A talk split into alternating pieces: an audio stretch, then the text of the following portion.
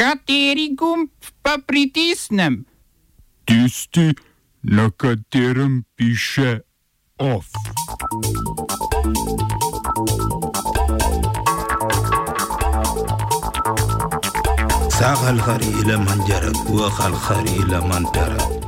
Predsednik Belorusije zamenja vlado. Predlog spremembe kazenskega zakonika o tihotapljenju ljudi poslan v parlamentarno obravnavo. Franz Kangler o konfliktu oziroma v konfliktu interesov. Virtualna otvoritev razstave v kulturnih novicah.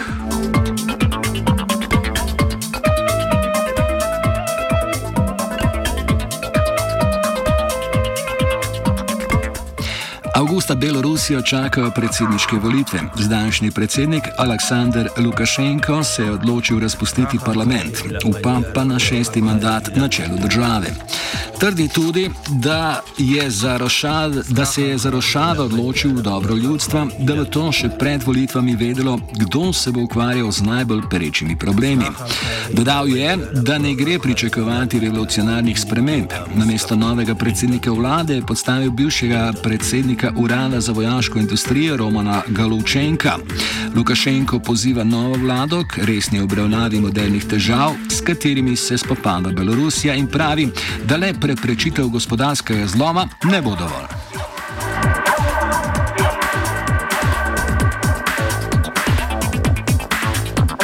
Na Filipinih je predstavniški dom odobril protiteroristični zakon, ki ga je predlagal predsednik Rodrigo Duerte. Zakon bi dovoljeval množične aretacije brez sodnega naloga ter dvotedenski pripor brez obtožnice za storitev kaznivega dejanja. Prav tako bi ustvaril svet za boj proti terorizmu, ki bi lahko dajal naloge za aretacije in bi sam definiral, kaj terorizem sploh je. Tisti, ki bi jih spoznali za krive članstva v teroristični organizaciji, bi do 12 let preživeli za rešetkami. Če pa bi bil obtoženi kriv uspodbujanja, načrtovanja ali izvedbe terorističnega napada, bi bil obsojen na dosmrtno ječo. Prav tako se ukinja kompenzacija v vrednosti slabih 9000 za tiste, ki jih policija protipravno pridrži. Duerte je zakon označil za nujnega, saj 6. junija člani kongresa odidejo na dvomesečne počitnice. Koalicija zatrjuje, da aktivizem s tem ne bo kriminaliziran.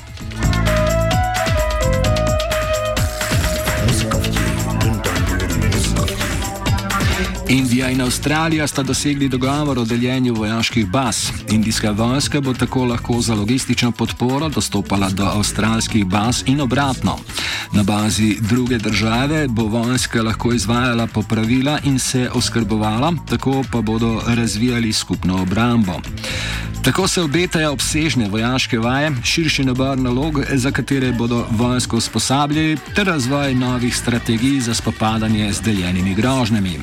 Specifično pa bi se državi radi ukvarjali s pomorsko varnostjo in sodelovanjem mornaric. Avstralija je izrazila tudi podporo stalnemu indijskemu stolčku v Varnostnem svetu Združenih narodov.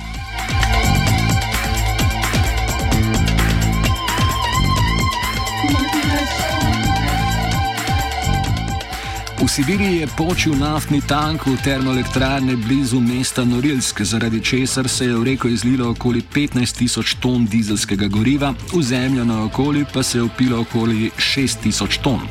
Predsednik Vladimir Putin je zaradi nesreče razglasil izredno stanje, meni pa tudi, da lokalna oblast ni naredila dovolj pri sanaciji okolja po razlitju. Do tega naj bi prišlo zaradi taljenja permafrosta, ki, ki je podpiral tank. No, se kaj takega je res težko predvidevati, ko se Zemlja zaradi uporabe fosilnih goriv vedno bolj segreva. Karma. Sanacija okolja bo trajala približno dva tedna.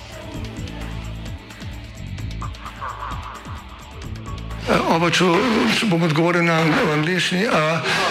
Slovenija bo poskušala pomagati. Slovenija bo naredila naš utmost, da bo rekla, da je situacija naš problem, sami. In mi bomo naredili nadaljnje korake, as soon as the conditions are. Bomo vlado Marjana Cererera Šarca podprli.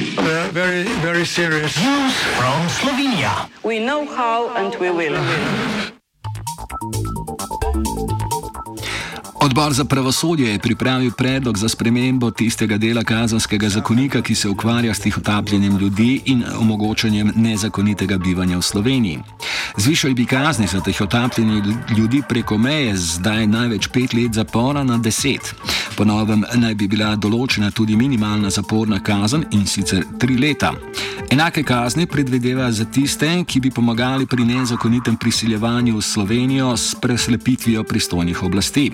Prav tako se bo kazen zvišala za tiste, ki se s tihotapljenjem nesorazmerno finančno koristijo ali pa so v času prekrška člani kriminalnih združb.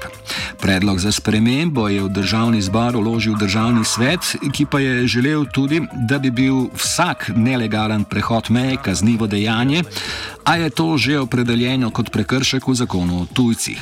Predlog, ki predvideva le zvišanje kazni za že obstoječe prekrške, ima tudi koalicijsko podporo. V opoziciji menijo, da se predvidene kazni ne bi smele spreminjati arbitrarno. Linton Obramno ministrstvo je predstavilo osnutek novega zakona o obrambi in zakona o investicijah na obrambnem področju, ki bi v naslednjih šestih letih vojski namenil 780 milijonov evrov. Torej, država nima keša za javno zobozdravstvo, ima pa ga za vojsko. Tudi predsednik republike Borod Pahor je na vojaških vajah preskok 2020 izrazil podporo višanju sredstev za vojsko, saj bi s tem ta ostala steber varovanja Slovenije. Je pa tudi povedal, da Slovenija sovražnikov sploh nima, saj imamo z vsemi državami prijateljske vezi. Kako točno vojska k temu pripomore, ni znano.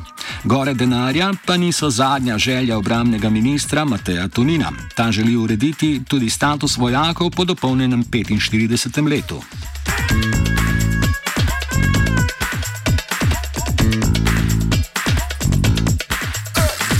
Komisija za preprečevanje korupcije je Francu Kanglerju izrekla konflikt interesov ter kršenje načela integritete. Kangler je trenutni državni sekretar na notranjem ministrstvu med letoma 2012 in 2018, pa je bil tudi državni svetnik. Takrat je obravnaval zahtevo za odreditev parlamentarne preiskave, katere subjekt je bil on sam.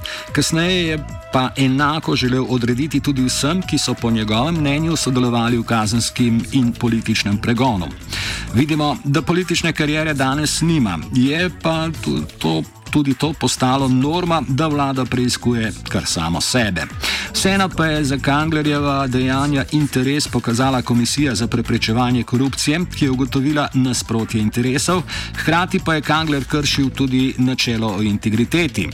Sicer se je Kangler glasovanja vzdržal, a je bil vseeno navzoč na razpravi, ker je kasneje vplivalo na mnenja drugih, ki pa se volilni pravici niso odrekli. Kangler je sveto prepričan, da se mu s tem kršijo ustavne pravice, saj je bil na funkcijo državnega svetnika izvoljen, zdaj pa se mu onemogoča izvajanje te funkcije.